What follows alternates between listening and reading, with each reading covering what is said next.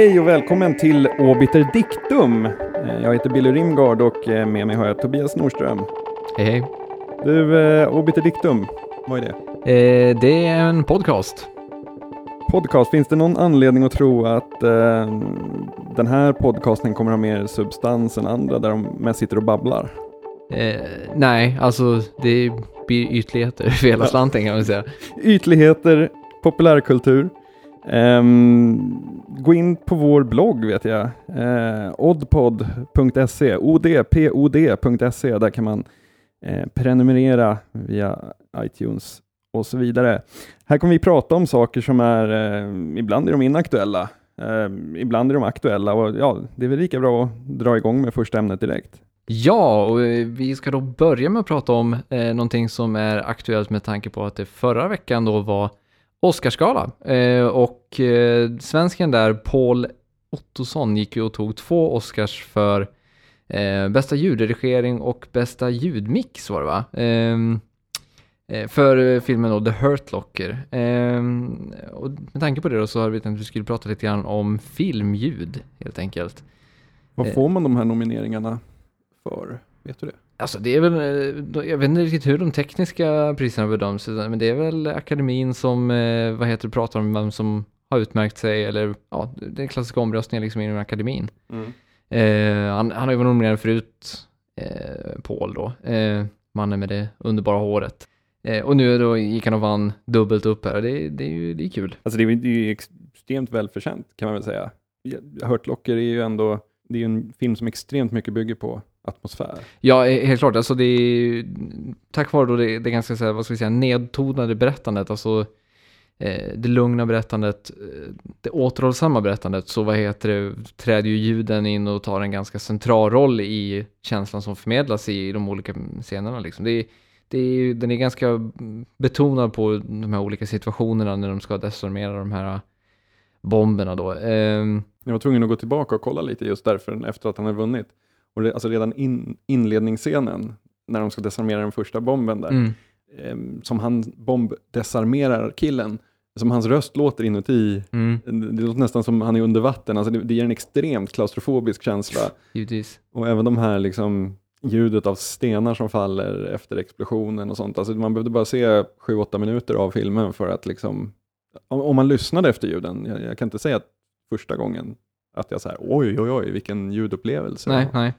Nej, det är ju, det är ju ett väldigt starkt berättande eh, element i filmen, alltså just ljudet. Alltså det, det är ju ett ljud som arbetar ganska mycket med, med tystnad, alltså med, som går i linje med, med, med det här ganska lugna berättandet. Alltså, eh, alltså, man ska ju inte underskatta liksom här hur tystnaden hjälper till att bygga den här spänningen. Alltså hade man haft en väldigt dramatisk musik så hade man helt plötsligt fått en helt annan effekt i de här, i de här scenerna då.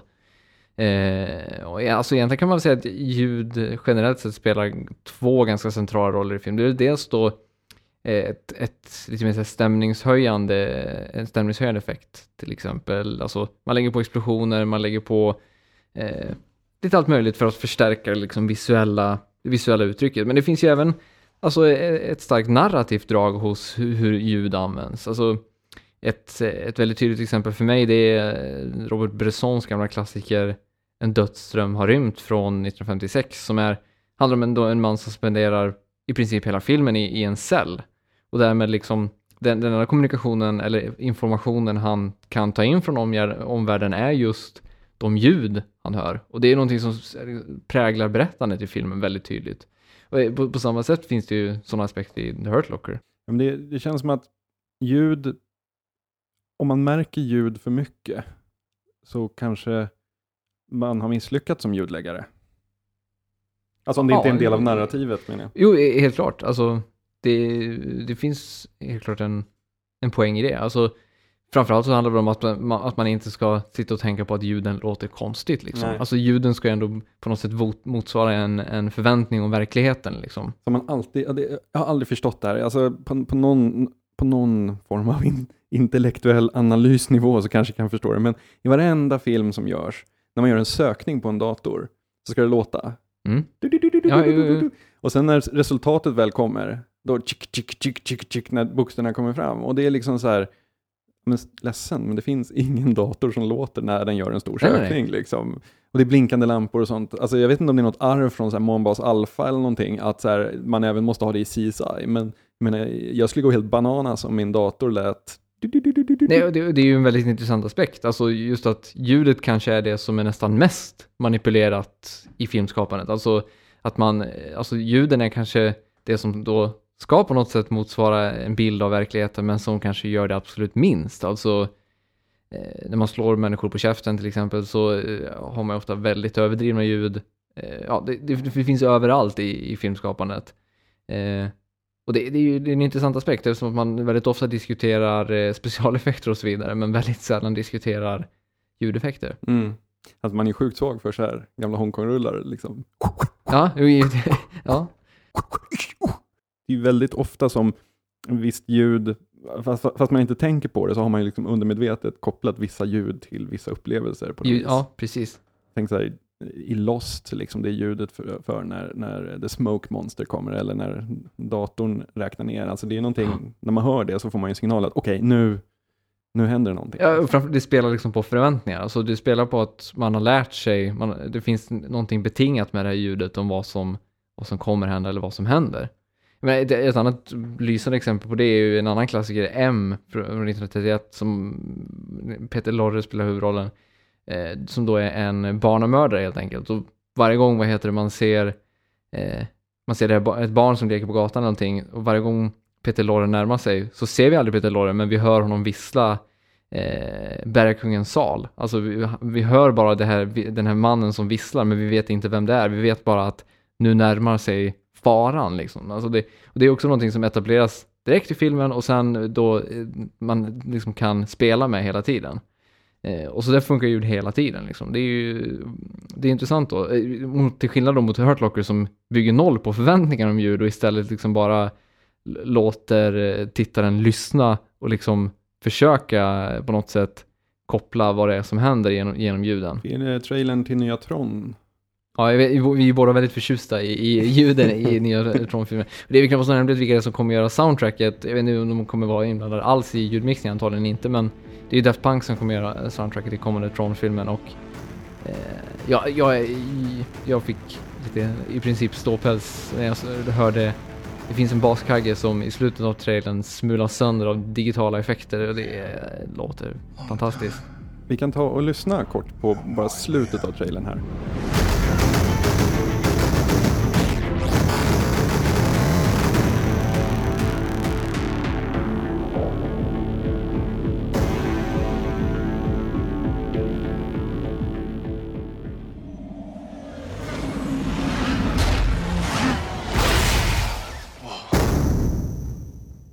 Ja, det är stort och det är...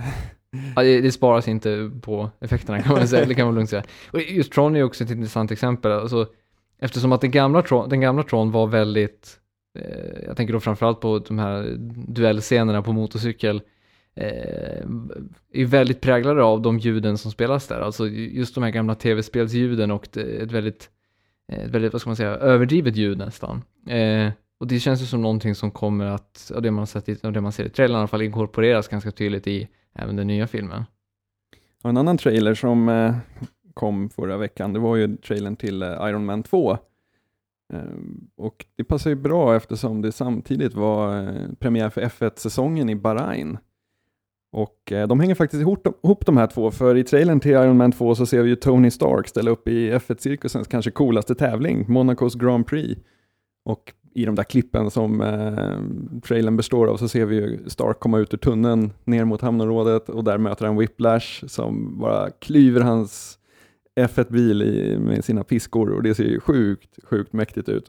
Eh, vilket givetvis har fått mig att fundera, alltså varför är F1 så underexploaterat inom populärkulturen? Ja, eh, jag, jag vet inte, alltså det, det, jag tror alltså att den absolut mest eh, om, vi då kollar framförallt på film då så tror jag det den, den tydligast bidragande orsaken tror jag är att eh, Formel 1 helt enkelt inte är tillräckligt stort i USA. Alltså det finns inte tillräckligt stort intresse för just hela Formel 1-cirkusen. Eh, det är istället betoning på inhemska sporter som Nascar eller Indy 500. Eh, och det, jag tror, det spelar helt klart en avgörande roll. Eh, och liksom i det här fallet så är Tony Stark kanske den ultimata amerikanska F1-föraren också av förklarliga skäl. Hur då menar du? Eh, ja, alltså det är ju det, entreprenören, snorrik, eh, äventyrlig, ehm, eh, glamorös, alltså det, det, han passar ju på något sätt eh, bra in, han förkroppsligar på något sätt ett, ett, ett, ett lite mytiskt ideal inom Formel 1-sporten liksom. Det finns, ju, det finns ju en dragning åt Playboy-hållet, eller vad man ska säga, de här excentrikerna. Men på 70-talet så var det ju en, en excentrisk engelsman som heter Lord Hes Hesketh som bildade ett eget eh, F1-team. Och, men typ målet var att ha så kul som möjligt. Det fanns liksom inga direkta sportsliga ambitioner, så de kom till tävlingarna i Rolls Royce eh, karavan och drack ohyggliga mängder champagne. Och, De checkade in allt från förare till mekaniker på femstjärniga hotell och bara levde livet. Så här. Det var något, man håller ju ut nere vid, vid start och målrakan när man ska signalera till förarna att det är dags att, om två varv ska du gå in i depån eller liknande. Det var något lopp där, jag har sett en bild från där, eh, sist, näst sista gången han passerar mållinjen, alltså med ett varv kvar, så, så hänger en av hans mekaniker ut och så står det cocktails one lap. Mm, ja. ja, men det, det är ganska illustrerande ändå för, för eh, i alla fall den bilden man vill ha av, av Formel 1. Alltså att det är ganska glamoröst. Eh, det är en ga- ganska glamorös sport som är liksom präglad av pengar, präglad av eh, manlighet. Alltså det, eh, samtidigt så är det ju en sport som har flera aspekter som är ganska, eh, som inte är särskilt attraktiva. Alltså motorsport i sig är ju ganska sunkigt. Alltså, eh, jag vet inte, min bild av motorsport är, är liksom värmlänningar som trimmar epatraktorer. Alltså det, det, fin, det finns någonting ganska eh, bonikt i, i vad heter motorsport överlag. Eh, och jag menar, det, det finns, jag tycker även att det går att spår av inom Formel 1, även om det är den kanske största motorsporten så har du ju ändå de här tjejerna som glider runt i tights och, och bh och viftar med flaggorna och så vidare. Absolut, absolut. Den, den aspekten är ju inte, den är inte oproblematisk, men, men om man, alltså, eh, jag tycker ändå, alltså jag vidhåller ändå att det är en visuellt snygg sport. Ja, jag, jag, jag är benägen att hålla med att det är visuellt snyggt. Frågan är ju om, om alla de där aspekterna funkar så bra i liksom, eh, populärkulturella framställningar. Liksom det, det är ändå så här, man kanske skulle kunna fokusera på eh, antingen kanske de rent tekniska aspekterna av, av sporten, som, eftersom att den är väldigt teknikbetonad. Alltså, de, de eh, fine-tunar ju de här maskinerna till att vara eh, ganska här, perfekta monster. Och- Det är ju science fiction liksom. Precis, det, det, det är ju det där. Och, och sen då de här hjältekaraktärerna som sitter i de här fordonen och liksom tyglar de här krafterna. Det, visst, det, det, det är ett tema som skulle kunna användas, men jag vet inte, det, det, det tyngs ner av flera orsaker tror jag. Det, det, det, blir, det blir lätt Sylvester Stallones driven av det hela. Ja, ja, och det vill man ju inte, Nej. dit vill man ju inte komma. Men jag, jag kan också tänka mig att det är så här, alltså man tänker inom cykelsport så har ju ändå så här, kraftverk har ju på något vis, alltså, jag, jag, alltså kraftverks gestaltning av proffscykling och den här The Man Machine liksom och Tour de France och, och sådär. Även så Style Council har gjort videos där de är ute och, och, och cyklar och så vidare. Eh, Det funkar ju ändå ganska bra även fast man på pappret kan också se så här, okej, hur fick de det här att funka? För det är inte självklar koppling liksom. Jo. Men de får ändå funka. Jag funderar på om det kanske är för, alltså cykling är ju betydligt mer inkluderande. Alltså det, Mm. F1 kan köras av rika, eh, rika unga män. Liksom. Man måste ha jättemycket pengar Mm, och, mm. och det, det, Men borde inte det egentligen, det borde väl kanske nästan göra Formel 1 mer attraktivt. Alltså just att det blir på något sätt ännu mer exklusivt, eh, vilket väl har någon slags eh, charmens skimmer över det hela. Alltså, det, det finns ju en aspekt av, av att det blir en, en slags ouppnåeligt ideal också. Absolut. Det kan man ju se alltså på vissa ställen där, de, där, där F1 har använts som en, någon, någon slags estetisk eh, örhänge. Liksom. Som driven. Ja, som driven, precis. Ja, den, den får väl stå som någon slags eh, argument för varför vi inte ens borde diskutera det här kanske. Men jag tänker på eh, ett album av Richard Ashcroft faktiskt. Det är inte så ofta man får nämna honom som någon slags referenspunkt, men hans Check the Meaning från 2002, så på omslaget som tilltalar mig otroligt mycket, så är det så här, han är i depån i Barcelona, på Barcelonas eh, Formel 1-bana där.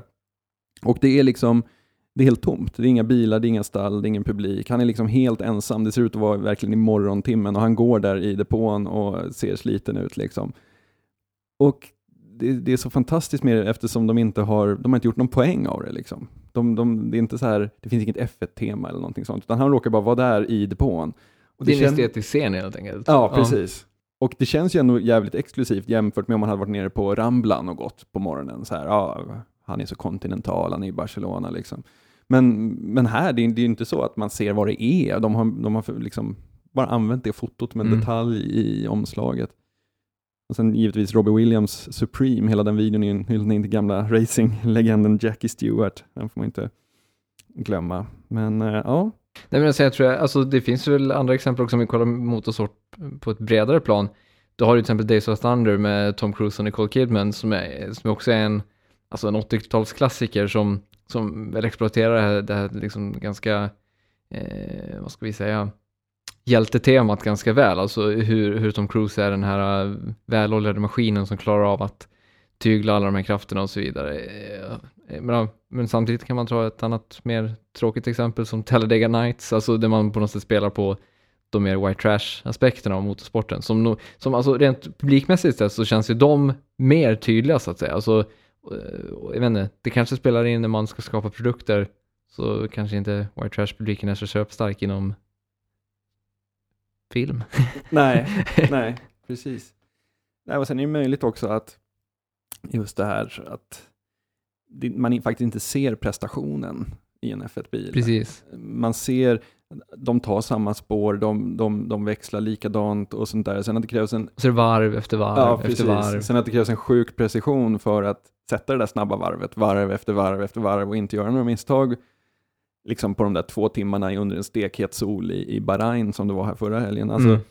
Det framgår ju inte riktigt. Alltså ett, ett, ett fotbollslag som krigar sig tillbaka från ett underläge. Eller, eller en cyklist som kämpar i uppförsbacke liksom, eller krigar mot en annan cyklist om att ta täten. Det är, Precis, man kan, man kan identifiera prestationen på ett annat sätt kanske. ja, det tror jag är klart. Alltså för mig som är väldigt dåligt insatt i Formel 1 så är det just de aspekterna som har gjort att jag aldrig har dragits in i det. Alltså att eh, jag, jag har svårt att se de här tekniska, eh, vad ska jag säga, den här tekniska, kom, tekniska kompetensen. Utan för mig kör de bil och så ibland kör de om varandra och ibland kraschar de. Liksom. Det, det, det, det finns inte, eh, det, den här kampen är liksom så här svåråtkomlig. Det är en, en man i hjälm som åker runt, runt istället liksom. Ja, vi ska gå vidare och prata lite om en annan kamp som faktiskt också sker i det fördolda. Eh, ja, det handlar ju då främst om det här, om nya, om det här nya Portal-spelet. Alltså Portal var ju ett spel som kom för några år sedan och nu har man då eh, ja, gått ut med att det kommer komma en uppföljare. Och det intressanta här är egentligen inte spelet i sig, utan det intressanta är då eh, den eh, viral marketing-kampanj som ledde fram till eh, att eh, det nya spelet offentliggjordes. Det är Eh, ett tv-spel. Ja, precis. Det är ett, dataspel och även kommit till eh, olika konsoler och så vidare. Eh, och det, men det som är intressant här, här då är, är ju att eh, själva offentliggörandet skedde till stor del eh, till inbitna fans genom att man eh, först då släppte en uppdatering till det gamla Portal i vilket man då nu hade inkorporerat eh, ett gäng radiosändningar. Eh, och i de här radiosändningarna fanns det då kodade meddelanden i morsekod och någonting som kallas för SSTV. Jag har ju faktiskt dålig koll på vad, vad den kodningen innebär. Men eh, Eh, ur de här kodningarna lyckades i alla fall ett, ett antal personer utvinna en, en rad olika meddelanden. Det, det var bland annat eh, eh ett roligt exempel var att de till exempel hade morskod för morskod för LOL, alltså Laugh Out Loud. Eh, andra exempel var eh, som vi tyckte var lite extra intressant, det var att man hade ett dolt telefonnummer som eh, några stycken lyckades avkoda då. Eh, och det, det här gick då till en eh, så här bulletin board service. Så att det man gjorde var helt enkelt att man dammade av de gamla BBS-modemen och ringde upp den här, vad heter det, servern då och vad hände? Jo, eh, ett, ett stort antal ASCII-konst spottades ut och bildade olika bilder på konceptkonst och så vidare till, eh, till det nya Portal helt enkelt. Helt sjukt. Alltså just det där, för det första att det finns någon som fortfarande har ett modem. Ja, det är, och framförallt är det ganska kallt att räkna med och de, de som gjorde meddelandena att, eh, att, att folk skulle ha den kompetensen att klara av Ja, det. men tänk, tänk liksom hur många, liksom, många hundratusen de har plöjt ner till någon liksom, marketingbyrå någonstans. Och så bara, nej, det tog stopp där. Det var ingen som, det var ingen som fattade. Eller hur? Eller hur? Ja, eh, men det intressanta var ju då att folk faktiskt kom på det här eh, och kunde ju då i sin tur dela med sig till andra om det och sen blev det en, en stor snackis då. Några veckor senare så offentliggjordes då det på riktigt att, att spelet skulle komma. Eh, men det intressanta med sådana här kampanjer är också att det finns ju ändå något, på något sätt ett ganska, en ganska exkluderande aspekt av det. Eh, Alltså om du inte besitter den här tekniska kunskapen så är det ju omöjligt att tillskansa sig den informationen som faktiskt finns gömd. Mm. Och den bygger också på, som vi sa, att det är någon, någon som kan det och som mm. kan berätta om det för alla andra. Absolut, samtidigt som vi kommer ju naturligtvis posta en länk på vår, på vår blogg till en sammanfattning av liksom hur hela den här virala kampanjen har, har, har sett ut. Men samtidigt som den är väldigt exkluderande eftersom den, den riktar sig till, till de verkligen inbitna. Liksom. Det är ganska litet procentantal som är villiga att ge sig in i den här mm. jakten och försöka. Eh, men samtidigt som den är exkluderande så tycker jag på ett sätt också att den är inkluderande för att det är väldigt spännande att sitta och läsa om vad de hittar och hur de gör och just bilderna på den här fantastiska ASCII-konsten som finns. Alltså det, jag kan ändå så här känna, shit vad coolt, det här, mm. jag kan ändå ryckas med och då har inte jag spelat Portal i liksom det ursprungliga utförandet. Nej, men det, det finns ju det här, jag, vet inte, jag ser i alla fall en ganska tydlig skillnad mot tidigare viral marknadsföring. Alltså just det att man, eh, Eh, men ett givet exempel är, är, ju då nätspelet The Lost Experience som var till tv-serien Lost, där man då via nätet eh, registrerade sig på olika sidor och fick meddelanden och så vidare och tog sig djupare och djupare in i ett elaborerat spel. Men alltså i det här fallet så är det ju, finns det ju betydligt större tekniska eh, hinder, eller vad man ska kalla det, för att komma liksom, till nästa steg. De, de eh, gick inte ut och annonserade att de hade planterat det här in i uppdateringen? Där, alltså det man annonserade var att det var en ny uppdatering och att det skulle finnas visst nytt material, men, men vad det materialet bestod av eh, visste man ju inte då. Men, eh, det, och, det var ju någon då som upptäckte att i spelet fanns radiosändningar och sen var det någon då ytterligare som fick då leta reda på de här eh, ljudfilerna i, vad heter det, spelets katalogstruktur. Eh, och ur då de, de filerna lyckades man sedan skriva till verket och, och, börja avkoda alla olika meddelanden som fanns. Alltså det var ju, det var en mängd, eh, eftersom att det var 26 stycken ljudsändningar så var det en mängd olika meddelanden som fanns här, gömda här. Det var ju, eh, vissa var ju bara ren propaganda eh, ur spelet så att säga, eh, medan andra var eh, rent nonsens liksom. Mm.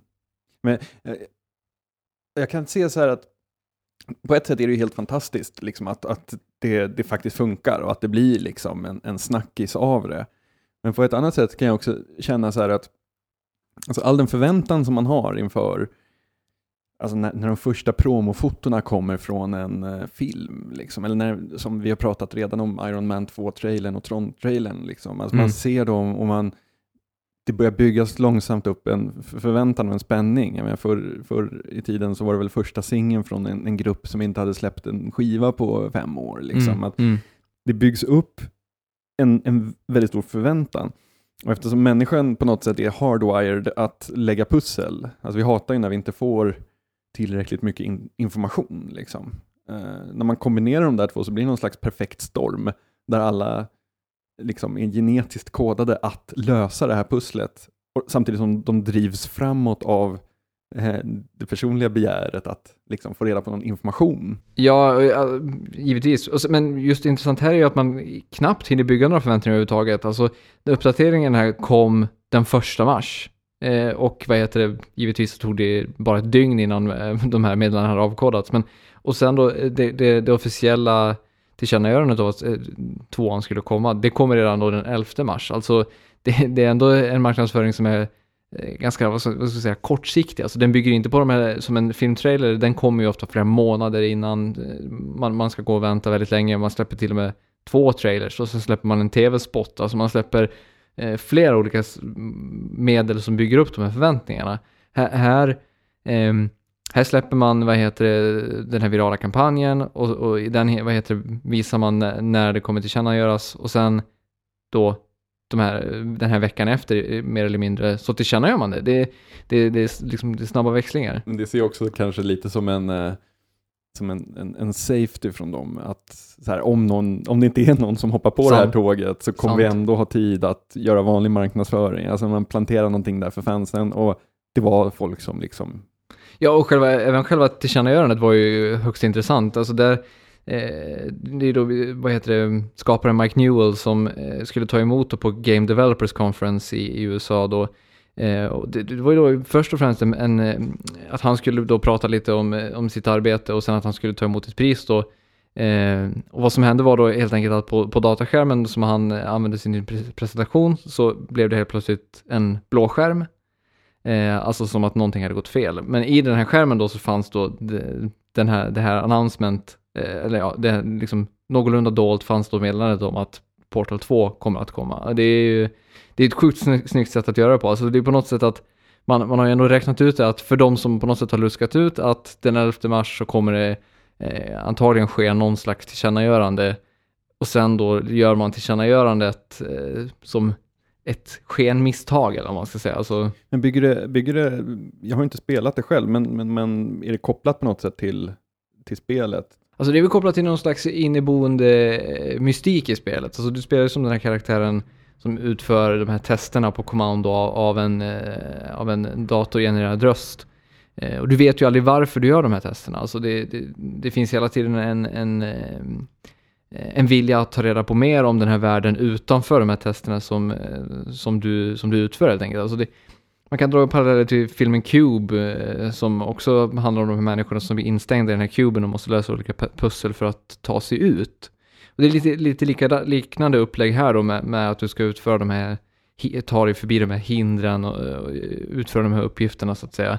Eh, och där finns ju då, alltså i den här ASCII-konsten bland annat så, så var det, handlade det mer om att man fick information om det här utanförliggande, eh, om det nu är ett företag, det, det är ju inte helt klart, eh, så, som har byggt hela det här testet, alltså som har byggt hela Portal-testet. Alltså det är ju i sig intressant, alltså att själva grejen är egentligen inte spelet, hur det nya spelet kommer se ut eller någonting, utan det, det, precis, det, det, är information om en mytologi som redan finns liksom. Mm. Det, det, är fascinerande och jag kan inte liksom, Eh, ibland när jag har suttit och liksom bara varit helt så här wow över virala jag kommer ihåg, Bat, senaste Batman-filmen var ju en fantastiskt viral kampanj för. Jag kommer ihåg när jag satt och följde den och bara hoppade med på tåget och jag, jag, jag printade mina liksom printade mina valaffischer eh, och, och ja, men liksom, jag var med i det där. Och jag kunde inte hjälpa att känna så här att snarare än att jag var gratisjobbare åt liksom ett filmbolag så kände jag väl att det var en del av filmen för mig. Inkorporerat i själva tittandet på filmen sen också menar du? Ja, alltså att, att, att, att, att Batman för mig var inte tre timmar i en biosalong, utan det var liksom fem månader av Vote Harvey Dent. Liksom. Mm. Um, ja, men det är lite samma sak, alltså en fördjupad förståelse om, eh, om filmen eller spelets setting, liksom, snarare än, eh, än mer information om filmen eller spelet i sig. Men ska man skämmas för att man går på den enkla? Nej, alltså det är ju konstruerat för att man ska gå på den enkla. Alltså det, det, det, är ju, det är ju en del av, som du säger, en del av, av själva upplevelsen. Liksom. Sen om man väljer att delta i den eller inte, det är... Eh, men du kan ju lika gärna, som, som, som vi gör nu, alltså iaktta den från sidan av så att säga, utan att du är en aktiv part mm. och ändå fascineras av det som händer. Mm. Skulle det vara möjligt, tror du, att skapa virala grejer på eh, mycket mindre skala eller vad man ska säga. Alltså säg att jag eh, eh, Säg att jag skulle ge ut en debutroman och sätter upp någon så viral grej på, på webben, någon webbsajt som ska utforskas och, och bla bla bla.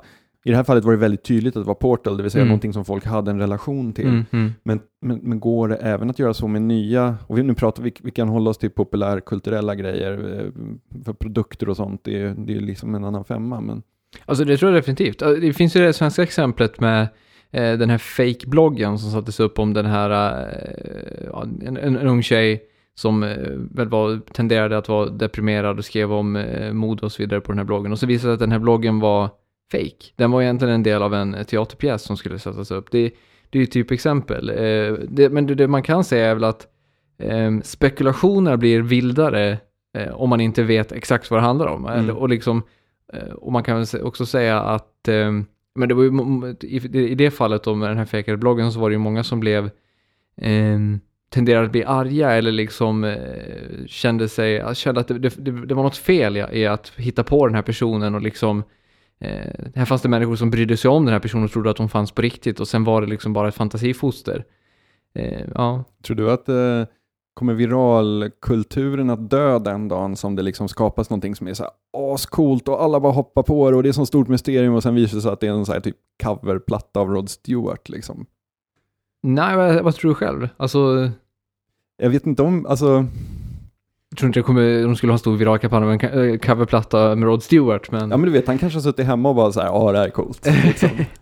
han kanske har liksom bara ramlat på den här Portal-grejen eller Lost eller någonting och bara tycker fan det här, det här är en cool grej att jobba med. Och du vet, så sitter alla där och bara åh, det är hur cyber som helst med massa hemsidor och koder och grejer och sen bara, ja, Rod Stewarts nya album. Alltså förstår jag vad jag menar? Att den dagen som, alltså alla, alla, alla som idag jobbar med det, jobbar ju med det med ganska coola alltså i alla fall de här stora amerikanska, liksom världsomspännande liksom alternate reality-grejerna man kastas in i. Liksom. Det är ändå ganska coola produkter som ligger bakom. Alltså så här Lost, Jo, Batman, Portal. Alltså det, det, det är saker som folk är villiga att lägga ner tid på för att det är en bra, det, det är bra eskapism. Liksom. Ja, alltså jag tror snarare att alltså, den största fienden är nog snarare, det finns ju eh, flera sådana här viral-kampanjer har också, mm, vad heter det, slagit tillbaka lite grann. Alltså när man har eh, till exempel på YouTube eller visat, lagt upp klipp på människor som gör fantastiska saker och så vidare och låtsas att det är vanliga människor som gör det och sen visar det sig att nej men det är företaget som har Mm. lagt, upp lagt upp en kampanj. Eh, så, så det tenderar ju människor att reagera med en, eh, ett uns av avsmak eller liksom Mm. att man, man på något sätt blir besviken. Jag Eh. tänkte, alltså jag tänkte kanske, alltså, vi kanske skulle hålla isär eh, begreppet viral Ja, från jo, början. sant. Alltså, så här, filmer och, och så vidare, det, det används ju av jättemånga, Mm, alla mm. möjliga klädföretag och så vidare. Jag tänkte väl mer de här, de här stora följa breadcrumbs-grejerna, liksom, för att en, en, en skön film, den misstänker man ju redan idag är så här, ja men det här är fake liksom. Men Mm. däremot när man kastas in på det här liksom ledtrådsletarspåret och ska börja liksom spela upp eh, grejer baklänges. Men för, du förstår vad jag jag menar? Alltså, Eh, eh, Men jag tror snarare där att, vad heter det, jag tror snarare att man vi snarare kommer se en utveckling där, där, där sådana saker kopplas bort från, från, från produkten. Alltså där du i, i, princip inte behöver ha nya Batman-filmen utan du är med i, i, i, de, i de här projekten ändå för att det liksom är ett projekt som leder någonstans på nätet. Eller för- förstår du vad jag menar? Mm. Alltså, mm. Vi eh. kanske skulle starta en för podcast. eller hur? Engagera miljontals människor som blir skitbesvikna när de bara kommer till en podcast. av två svenskar som sitter och pratar ytliga saker. Ja, jo men alltså, det tror jag helt klart är, är alltså någon slags framtidens rollspel liksom. Alltså eh, att man går från att ha det som en marknadsföring och, och låter det vara en, en marknadsföring för sig själv så att säga. Eller vad, Mm. vad tror du? Det Ja, absolut. absolut. Det, det, det finns väl... ehm, alltså de, de stora eh, kampanjerna som har gjorts, eh, de har ju ändå på något vis fått ett eget liv lite grann. mm, Alltså, eh, alltså just de här vi har nämnt, Lost och, och, och Batman. Alltså Lost, så om jag inte missminner mig så var man väl tvungen att åka förbi några stortavlor på någon motorväg utanför någon stad och få någon webbadress. Alltså man Mm, har köpt mm. billboards liksom. Och i Batman så projicerar man enorma siffror på någon skyskrapa i New York vid en viss tidpunkt, Mm. en viss dag. Och det som jag tyckte är kul med det, det är ju att det bygger på att folk hjälper varandra. För det är folk från hela världen som deltar och folk från hela USA som deltar, men det är bara liksom en begränsat antal geografiskt som kan få den här informationen. Och istället för att sitta på den och vara skitkaxiga så delar de med sig av den. Och det Mm. tycker jag är intressant, att det bygger på samarbete. ja, jo, det, det blir ju en deltagarkultur liksom. Mm. Eh, och det, det, det gäller ju, det gäller ju alltihop liksom.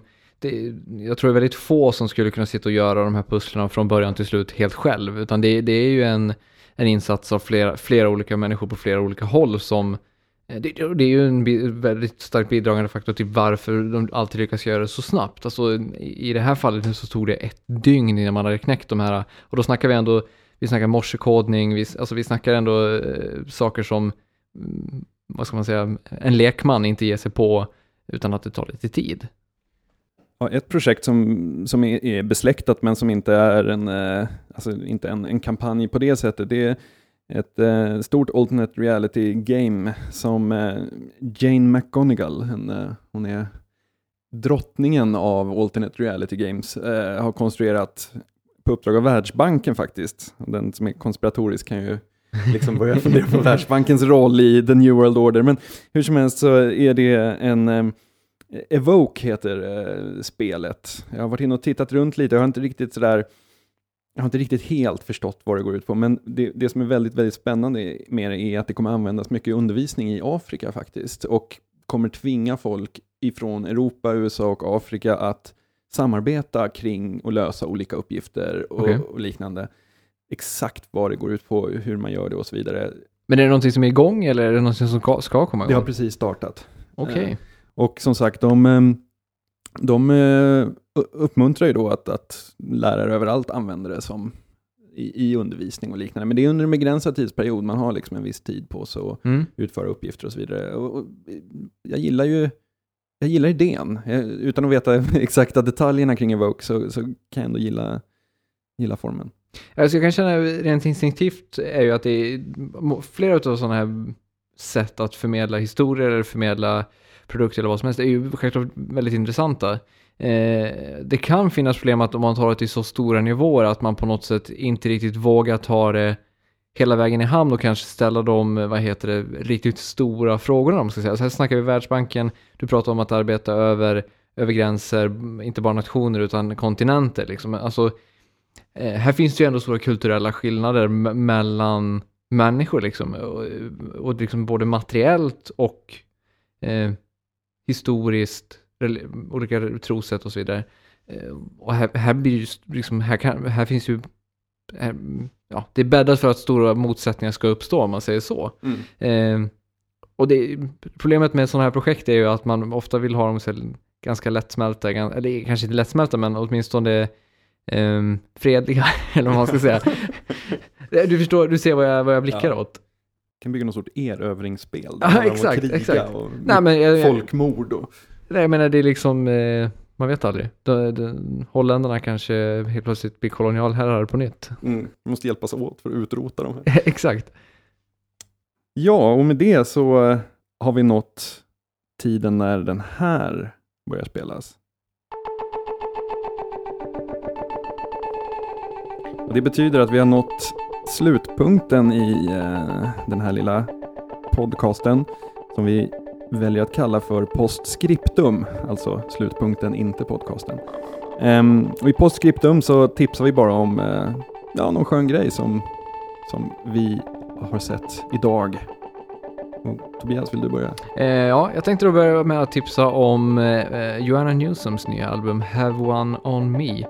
Eh, det är alltså en trippel-CD som eh, släpptes nu i februari. Eh, Joanna Newsom har ju gjort sig känd med sin ganska speciella röst och sin harpa och tidigare släppt två, två album. Det är ju då debuten The Milk Eye Mender och dubbelalbumet Why som släpptes för några år sedan.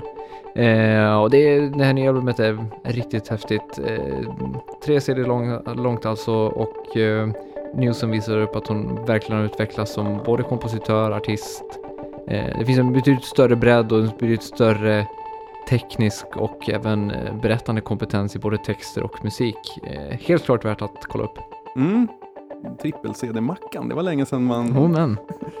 Jag ska faktiskt tipsa om en, en, en, en YouTube-film med teddybjörnar i. Det är kanske är helt barockt att göra det 2010, men Cycles heter en animation som en kille som heter Syriak har gjort. Det, är, det är inte animerat utan det är snarare, ja, är det, det är det mest surrealistiska och skruvade på länge faktiskt, eller ja, sen förra veckan när det var någon annan YouTube-film som man var chockad över. Men ja, hur som helst, det är en fantastisk film. Um, tre minuter lång. Vi länkar givetvis eh, allting från, från vår blogg som du hittar på oddpod.se. odpod.se. Och där vill vi även att eh, ni tycker till. Eh, det här svamlandet som jag och Tobias har eh, hållit på med här. Hur länge ska vi göra det egentligen? Vi är lite osäkra. En halvtimme är ju bra för att eh, det är ju så med alla spelningar man har varit på. De bästa är ju de korta där man bara vill ha mer. Samtidigt som eh, det finns ju väldigt mycket att prata om. Så vi är ju lite osäkra på vilken längd som, som eh, den här podcasten Obiter Dictum ska, ska ha egentligen. Så in, in på oddpod.se och eh, Lägg din röst. Och vi är tillbaka om, ja, om en vecka helt enkelt. Om en vecka. Tack Tobias. Tack så mycket. Hej då.